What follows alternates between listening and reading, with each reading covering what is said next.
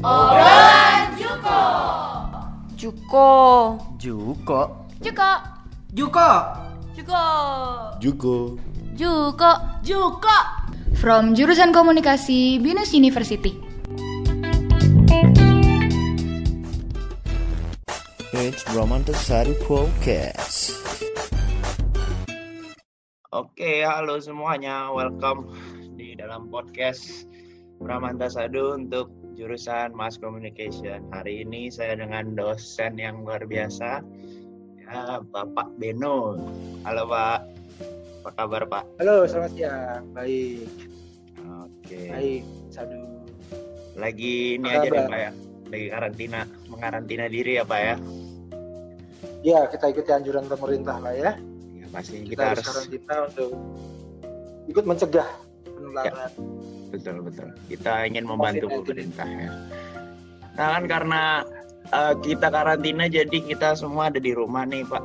Uh, jadi uh, jurusan Mass Communication ini ingin ngebahas tentang jurnalisme lah yang menjadi ekspertisnya Bapak nih. Jadi uh, saya mau nanya Pak, menurut Pak Beno kira-kira apa saja kelebihan dan kekurangan jurnalisme di masa sekarang Pak? Kelebihan dan kekurangan yang masa sekarang ya. Menurut Pak Beno. Kalau kelebihannya, iya. Kalau kelebihannya jelas banyak sekali nih Sadu. Kelebihannya di antaranya lebih cepat menyampaikan informasi, jelas ya kan? Ya. Platformnya juga makin banyak, ya Hmm. kan? Kita masih kita tahu zaman dulu kita cuma mengenal koran yang kita baca, habis kita mengenal radio yang kita dengar, habis itu kita mengenal audiovisual lewat televisi. Sekarang kita mengenal online, ya kan?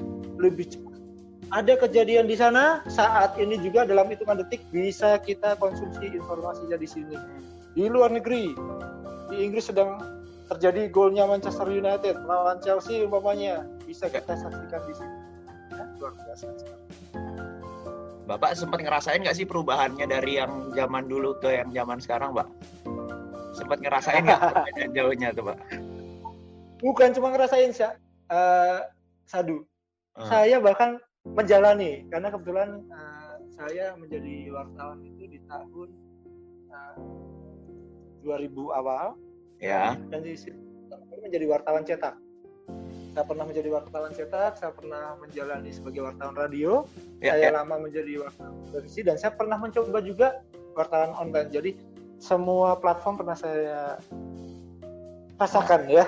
mantap. Jadi jadi jadi sekedar memang mengkonsumsi iya, menjalani sebagai wartawannya pun iya dengan Hmm. karakteristiknya masing Ya, ya, ya. Kalau kekurangannya gimana tuh, Pak? Kalau zaman sekarang kira-kira apa mungkin karena terlalu cepat jadi bisa apa ya berbahaya juga untuk menggiring publik yang eh, menggiring opini yang terlalu cepat atau gimana kira-kira, Pak? Eh, Ah, saya setuju tuh. Kekurangannya juga bisa kita temukan dalam beberapa hal karena se- sekarang orang berlomba-lomba kecepatan ya. Hmm. Siapa lebih cepat gitu, akhirnya kadang-kadang eh, akurasi kurang dipertimbangkan. Iya nggak? Oke. Ya, Kurang ya. check and recheck, kurang disiplin klarifikasi yang penting cepat, akhirnya kadang-kadang kita menerima berita-berita yang jumlah korban umpamanya 6 tapi tertulis 5 karena ternyata dalam satu, ada satu yang perjalanan ke rumah sakit masih uh, kondisi kritis gitu nggak taunya nggak selamat nah kayak gitu-gitu belum lagi dalam konteks media sosial informasi udah kayak air bah ya nggak kayak tsunami kita Hmm. bisa mendapatkan informasi macam Se- sekarang saja nih Sadu kamu bisa merasakan nggak masa-masa karantina corona ini bisa Eh, saya merasa sih. dari macam-macam ya kan Mm-mm, betul. ternyata belum dicek, belum diklarifikasi, oh ini hoax, ini nggak pas beritanya, ya nggak? Nah, Iya, itu- betul. salah satu tantangan kita sekarang. Jadi kita harus cek and recheck lagi. Kita kalau menerima informasi apalagi dari sosial media, oke, Mm. kita harus uh, disiplin klarifikasi, bener nggak? Kayak gitu. Kita bisa tanya ke orang yang mungkin uh, pas ada di situ dalam kejadian itu, atau saudara kita atau teman kita yang kebetulan ada di situ, atau siapa saja menjadi saksi mata dalam kejadian itu dan sebagainya. Ya. Atau check and recheck dengan apa? Dengan cara apa Sadu? Dengan cara coba kita lihat dengan media yang lain. Kita baca Hmm. ada nggak beritanya. Terus sekarang juga muncul kan baik hoax dan sebagainya. Kayak gitu. Hmm. Dan itu kalau juga sih ya. Ya. Dan jurnalisme sekarang kalau saya perhatikan ya Pak, saya nggak tahu karena saya belum pernah ada di lapangan dan Bapak kan sudah berpengalaman dan banyak saya rasa kayaknya jurnalisme sekarang tuh memihak ya Pak ya. Kayak misalnya kalau Nah, untuk konteks- dari perspektif politik banyak ada yang mihak dan gimana tuh Pak kira-kira? Nah, dalam konteks memihak ini eh, begini Sadu, kalau menurut saya, oke mungkin kita nggak perlu sebut di sini.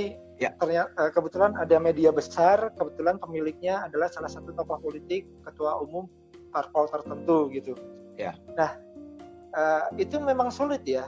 Sulitnya begini, dari sisi penyelenggara pengelola medianya seharusnya tahu frekuensi itu milik publik, udah diatur lewat undang-undang berarti komposisi beritanya kontennya itu kalau bisa jangan sampai memihak ke salah satu umpamanya uh, posisi politik tertentu dan sebagainya Hmm. tapi kembali lagi biasanya kalau umpama kita tanyakan langsung ke orang yang mengelola uh, siaran tersebut kita tanya lu kenapa terlalu memihak begini coba kamu lihat nih.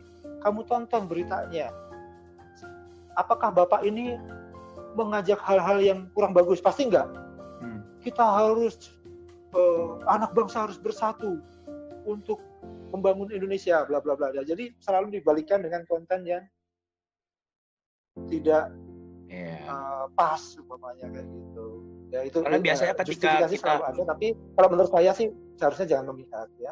Ya harus idealis ya Pak ya. Lebih kepada tidak memihak sama sekali melainkan ya tetap melihat eh, menjadi yang objektif lah ya Pak ya. Jurnalis yang objektif gitu ya ya dalam konteks konten iya seharusnya eh, independen ya. Jadi eh, kalau ada satu dua pilihan politik harus seimbang. Umpamanya cover buat set yang A dapat porsi 50% yang B porsi 50% gitu. ya. Eh, bisa diatur sih secara secara konten bagaimana penyajian beritanya bagaimana eh, komposisi komposisinya kontennya dan sebagainya itu sebenarnya bisa diatur. Memang tidak salah tapi begini. Menurut saya kembali lagi frekuensi itu milik publik. Itu harus menjadi eh, pegangan semua Yes. pengelola media itu Betul. frekuensi milik publik ya. Nah, bukan milik sendiri ya. Oke. Em, gini Pak, kan sekarang Bapak ini kan udah udah pernah segala macam platform yang Bapak kerjakan dan pa- Bapak pasti udah ngerasain kelebihan kekurangan. Nah, kalau misalnya Pak Beno punya otoritas terhadap seluruh jurnalis di Indonesia, kira-kira langkah-langkah apa aja yang Pak Beno ingin lakukan untuk memperbaiki jurnalisme yang cacatnya mungkin dan meningkatkan atau mempertahankan yang sudah baik gitu. Contohnya dengan virus corona ini deh Pak, kira-kira Bapak bakal ngelakuin apa? Ketika Bapak punya otoritas untuk seluruh jurnalis di Indonesia Pak. Ah baik, bagus banget pertanyaannya. Karena begini, kalau dari sisi kemerdekaan pers dan perlindungan wartawan, menurut saya nah, Indonesia sudah pada jalur yang cukup bagus ya. Mungkin masih ada satu dua hal yang perlu diperbaiki dalam terutama sekali adalah perlindungan wartawan dalam menjalankan tugasnya. Itu sudah diatur dengan undang-undang ya. Hmm. Nah, nomor 40 tahun 99. Yes. Tapi begini, yang utama eh, sebenarnya selain kemerdekaan pers yang terus didengungkan, perlindungan terhadap wartawan, ada satu hal yang utama nih satu, yaitu apa? Yaitu eh, profesionalisme dari wartawan tersebut. Hmm. Nah, begini, tantangannya adalah masa sekarang itu eh, karena itu itu ini nggak salah karena perkembangan teknologi itu membuat kita semakin mudah ya menerima informasi, mencari informasi, mendapatkan informasi semakin mudah dari mana saja, ya kan? Yang jadi masalah adalah eh, kondisi ini itu juga mempengaruhi pola kerja wartawan. Hmm. Akhirnya banyak sekali wartawan-wartawan dalam tanda kutip yang eh, sepertinya instan, Ya. tidak melalui penggodokan bagaimana. Nah, profesionalisme di situ, aduh, bagaimana mencari berita, bagaimana mengulah berita, bagaimana akhirnya sampai menyajikannya kepada pemirsa, kepada pembaca, kepada pendengar dan sebagainya. Hmm. Itu kan juga ada tahap-tahap yang harus dilalui. Akhirnya informasi itu menjadi clear, informasi itu menjadi uh, jurnalisme yang mencerahkan, yang inspiratif, yang menggugah kemanusiaan bareng-bareng dan sebagainya. Yang positif, ya kan? Tidak seperti karena tuntutan ya tuntutan ekonomi, tuntutan Yes. bisnis akhirnya clickbait dan sebagainya yang kita semua sudah tahu ya sekali contoh. Ya, zaman sekarang saya lihat banyak banget orang yang contoh yang hoax-hoax di grup WhatsApp lah, yang, yang kayak gitu-gitu, dan banyak yang percaya gitu loh, Pak. Jadi, I- iya Iya. benar gimana ya? Kira-kira gimana tuh caranya untuk meminimalisir hal-hal seperti itu gitu ya, supaya eh, apa namanya masyarakat tuh bisa cek and recheck lagi sama hasil-hasil tulisan daripada jurnalis di Indonesia ini gitu. bagus pertanyaannya. Kalau menurut saya literasi media harus kita kuatin. Dengan cara Hmm. apa? Semakin banyak membaca. Yang lebih tahu mem- memberikan pencerahan-pencerahan pada yang lain. Ya kan? Kita kan banyak sekali orang-orang kita itu melakukan lompatan lompatan yang lompatan terkait media ini yang sangat besar. Anda bisa bayangkan banyak sekali ibu-ibu kita, tante-tante kita, tetangga-tetangga kita yang dulu tidak pernah memiliki bahkan tidak dalam hidupnya nggak pernah punya email atau Iya. punya akun Facebook Ah, atau punya akun. Instagram. Ya, Ya kan?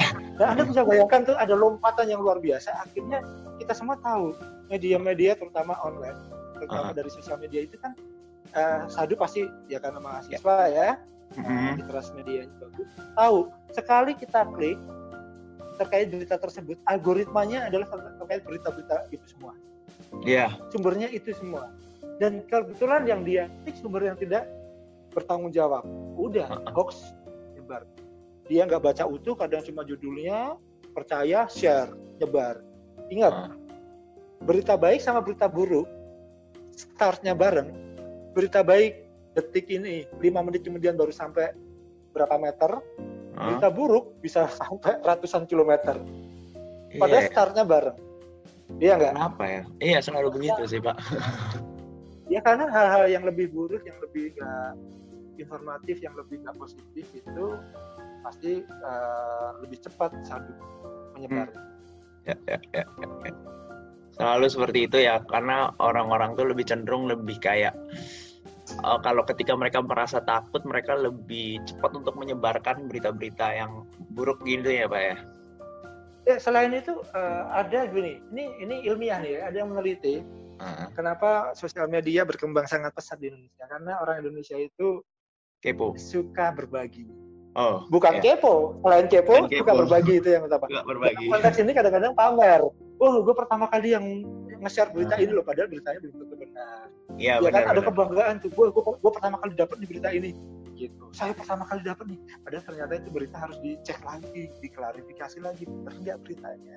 Tapi wah gue paling cepet nih. Ada kebanggaan di situ. Aktualisasi Ya. dari lingkungannya sangat besar sih kalau saya lihat ya orang-orang di kita ini yang anak-anak milenial. Kenapa dia ingin berbagi dan gue harus yang pertama nih gitu kan supaya dia merasa Iya. bangga gitu kan selalu gitu. iya manusiawi juga sih sebenarnya Iya ya benar-benar. sih.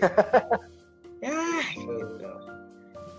Gimana nih Pak 10 tahun ke depan kira-kira jurnalisme dunia jurnalisme ini akan ada perubahan atau enggak kira-kira Pak? 10 tahun lagi deh Pak. 10 Kira-kira. tahun lagi ya Atau masih kurang lebih Pasti ya, sama-sama dong. aja? Nah, perubahannya dari segi Enggak, perspektif pasti. apa kira-kira? Menurut banyak sekali jadi eh, pasti tren medianya juga berubah ya Hmm. kita aja saya saja kaget loh betapa cepatnya eh, yang dulu dari 2.0 sekarang 4.0 ya Ya. mm-mm. gitu. betapa, betapa cepatnya Eh, dulu saya nggak ngebayangkan eh, waktu masih eh, jadi eh, jurnalis cetak itu saya nggak membayangkan eh, sekarang masyarakat bisa berinteraksi Mm. ya nggak sadu Ya, ya kan betul. lewat online kan kita bisa berinteraksi ada berita kita bisa kasih komentar dan sebagainya itu komentarnya mungkin dalam kalau TV mungkin pakai platform yang lain tambahan umpamanya pakai telepon dan sebagainya saya nggak menutup kemungkinan di suatu saat Sadu, betapa itu informasi datang dari kamu langsung memberitakan Ya. datang dari siapa pun ya sekarang udah ada citizen journalism Mm. Ya Betul. kan? Citizen journalism itu yang paling cepat sih kalau menurut saya sekarang. paling cepat Paling ya yang yang jadi mah yang jadi bahaya kayak tadi sadu kan wartawan itu profesi ya? Hmm. wartawan itu profesi ada ada cara-cara bagaimana menulis yang baik dan benar Hmm. bagaimana cara-cara uh, memilih angle yang yang tepat untuk kalangan ini bagaimana kalau nulis untuk kalangan ini bagaimana dengan tulisan seperti ini nah kalau nanti semuanya dan nggak bisa ditahan Hmm. karena 10 tahun ke depan pasti lebih Iya, infrastruktur lebih top lagi ya, Ya, lebih gila sekali. lagi dan saya yakin semuanya akan terlibat dalam uh, penyebaran informasi saat ini. Itu. berarti kalau Anda kayak- bisa menjadi wartawan. iya, benar-benar semua orang bisa jadinya ya Pak ya. Iya, semua orang bisa jadi wartawan. Dan platformnya yang utama juga Sadu. Mungkin Mhm. sekarang kan gini, kita nonton TV kita sudah punya pilihan TV-nya ini ini ini. Kalau mau pengen nonton film TV ini, pengen nonton berita TV ini. Ya, sekarang enggak lagi Sadu. Sekarang kamu nontonnya pakai platform, pakai HP kamu, pakai smartphone kamu atau pakai laptop kamu asal dapat koneksi internet, kamu bisa nonton apa yang kamu suka. Ya enggak? Ya, OTT setiap orang punya channelnya sendiri sekarang. Ya, Setiap orang bahkan punya channelnya sendiri. Saya setuju itu istilah kamu. itu Iya kan? benar-benar. Orang bisa mem- mohon maaf, saya punya anak kecil, udah Hmm. punya channel di YouTube, Waduh, calon youtuber baru nih. kelas 4 SD. baru kelas 4 SD sama satu kelas 1 SD. Iya. Gila ya, hebat Itu. banget ya zaman Ya, sekarang itu ya. cuma cuma contoh saja. Kebayang mahasiswa-mahasiswa. Kenapa? Karena bikin channel sendiri, channel YouTube dan sebagainya gratis ini. Ya kan? Iya, Nanti lama-lama kalau subscribernya banyak, yang nonton banyak bisa dimonetis, ya udah. Itu, Iya, itu benar. masa sekarang. Masa masa 10 tahun lagi seperti yang kamu tanyain, jangan-jangan kamu sendiri yang bikin YouTube. ya sebenarnya udah ada sih. Iya, bukan bukan bukan kamu punya channel YouTube, Sadu, tapi kamu sendiri yang bikin Membuat platformnya Platform itu sendiri. Iya sih, Iya, bisa ya. jadi, bisa jadi. Hmm. Iya kan? Kita nonton TV, kita nonton kita sekarang kamu menerima informasi mohon maaf nih kalau kamu kebetulan punya land land today aja isinya udah full informasi Iya, benar Pak. kamu nggak nggak nonton lagi TV nggak baca lagi koran nggak dengerin lagi radio. Iya kan? Iya, berita yang datang ke kamu kamu nggak yang cari. Berita yang datang ke kamu iya nggak? Benar Pak. ada notifikasi today hari ini apa apa detik ini apa apa apa. Iya nggak? Benar benar. itu kura- kurasi sih sebenarnya. Kurasi. Dari dari media-media lain dikurasi ya kan? Nah ke depannya tuh itu. Kurasi sadu Ya. kurasi journalism question journalism terus ada lagi hyperlocation journalism nah jadi nanti daerah-daerah tertentu di daerah saja localize localize gitu ya itu ada Hmm. beritanya sendiri kayak gitu itu Iya, Pak. sampai 10 tahun sih mungkin lima tahun juga udah kayak gitu Bisa jadi iya itu benar nggak nggak lama lagi sebenarnya tuh Pak ya. Nggak lama lagi ya. Kayak em, saya rasa kalau berkembangnya seperti itu positif negatif sih pasti kan ada ya. Ada sisi positif ada sisi negatifnya. Dan kalau sisi positifnya mungkin kan orang tuh jadi lebih gampang mengakses sesuatu. Jadi makin lama orang makin pinter. Tapi saya rasa kayaknya negatifnya ketika itu semakin transparan dan semakin orang semakin banyak orang punya akses itu semakin mudah untuk para elit ini untuk giring opini lagi lah gitu lah kurang lebih kayaknya. Ya misalnya kalau misalnya ini mereka gampang banget tuh nyebar nyebarin hoax kayak gitu gitu pak. Jadi kayak menurut saya agak Nah, sedikit berbahaya juga sih sebenarnya kalau kayak gitu. Loh, kalau bisa kalau dibilang bahaya bahaya. Saya juga setuju saya dua. Zaman zaman. Soeharto dulu kan berita tuh semua difilter pak. Jadi semua ngerasa aman. Iya. Iya, zaman Soeharto ya kalau masih di- disamakan sama sekarang ada korup nih umpamanya nih. iya. Utara. Ya beritanya difilter gila-gilaan kan. ya, Nah, sistem bersoviet kan- gitu lah ya Iya, sekarang kan bebas semua orang bisa akses, bahkan semua orang bisa memproduksi berita. Kamu bisa bayangin. makanya bener Ya, semua orang tanpa terkecuali bisa memproduksi berita. Ya kan? Nah, itu pinter-pinternya kita. Nah, itu regulasi dari pemerintah juga harus harus semakin ketat. Kenapa? Karena kalau ingat apa pun yang tidak ada batasan-batasannya, apa pun yang tidak ada eh, peraturan-peraturannya, pasti dampaknya nggak bagus. Iya nggak? Iya. Chaos. Ya, kita hidup berumah tangga, kita hidup bernegara, kita hidup di kampus, kita hidup di mana pun, itu kan ada aturan-aturannya. Hmm. Anda bisa bayangkan kalau tidak ada aturan sama sekali, termasuk dunia pers harus ada aturannya. Iya. Termasuk dalam konteks penyebaran informasi ini harus ada aturannya. Coba, paling simpel deh Sadu. Hmm. Itu lampu merah. Kalau lampu hijau merah eh, perempatan nggak ada lampu merah hijau sama kuningnya. Hmm. Kayak apa coba Anda bisa bayangkan? Woi tabrakan sudah serobos pasti Iya, tabrakan. Gak ada yang mau ngalah kan tabrakan macet panjang. Nah, itu. Yang Hmm. seperti itu. Jadi apa pun harus ada uh, kesepakatan peraturan yang mengikat. Gitu. Oke nih Pak, kayak pesan terakhir deh untuk uh, semua nanti yang akan menjadi penonton kita, yang orang-orang lingkungan Binus. Kira-kira ada pesan-pesan dari Pak Beno nggak ya dalam mungkin uh, bijaklah dalam memilih berita atau gimana kayak gitulah kurang lebih pesannya apa Pak? Uh, terserah Pak Oke, Beno. Baik. Mm. Baik buat teman-teman yang mendengarkan podcast ini, pesan saya uh, semakin cerdaslah dalam mengkonsumsi berita. Jangan langsung mudah percaya jika menemukan atau menerima berita, apalagi kalau beritanya bombastis. Coba cek and recheck. Dengan cara apa? Cek di media lain, di media mainstream juga, di sosial media yang lain, atau kita kan udah ada situs-situs yang uh, bisa untuk cek apakah ini berita hoax atau enggak. Ya, pertama, pertama juga kita harus bijak dalam konteks begini. Kalau menerima berita yang luar biasa, selain dicek, setelah dicek, oh ya, kalaupun memang benar, layak nggak kalau umpamanya saya share juga ke yang lain. Hmm. Ditimbang-timbang nih manfaat sama keburukannya lebih baik mana, lebih banyak mana. Kalau lebih banyak keburukannya, ya tidak usah. Kalau lebih banyak manfaatnya, silakan share. Contohnya manfaatnya, oh ya, uh, lembaga ini mengeluarkan beasiswa full untuk mahasiswa-mahasiswa yang mau sekolah di sini mau kuliah lanjut kuliah di sini itu kan berita bagus. Silahkan share. Tapi kalau umpamanya yang keburukannya lebih banyak ya nggak usah. Takut saja. Jadi kebalikin ke diri kita. Kita menjadi apa ya uh, filter diri sendiri dulu ya kan? Self censoring dulu terhadap berita-berita tersebut sebelum kita uh, share ke yang lain. Oke, setuju. Makasih banyak ya Pak Beno ya waktu dan ilmunya berharga banget dah untuk semua nanti para pendengar biar mereka bisa menjadi pribadi yang lebih bijaksana dalam memfilter dan bisa punya perspektif baru yang dari Pak Beno bilang tentang jurnalisme. Makasih banyak ya Pak ya atas waktunya Pak. Ya sama-sama Sadu. Ya. Salam Iya. buat keluarga saya doakan sehat selalu terlindung dari COVID-19 ini. Amin. Salam juga buat keluarga. Kamu sehat-sehat juga ya semuanya. Ya Pak. Bentar lagi krisis Pak nih. Out of, off the record aja. Semoga enggak. Semoga enggak. Ya semoga diminimalisir lah ya. It's Bromanto Sadu Podcast.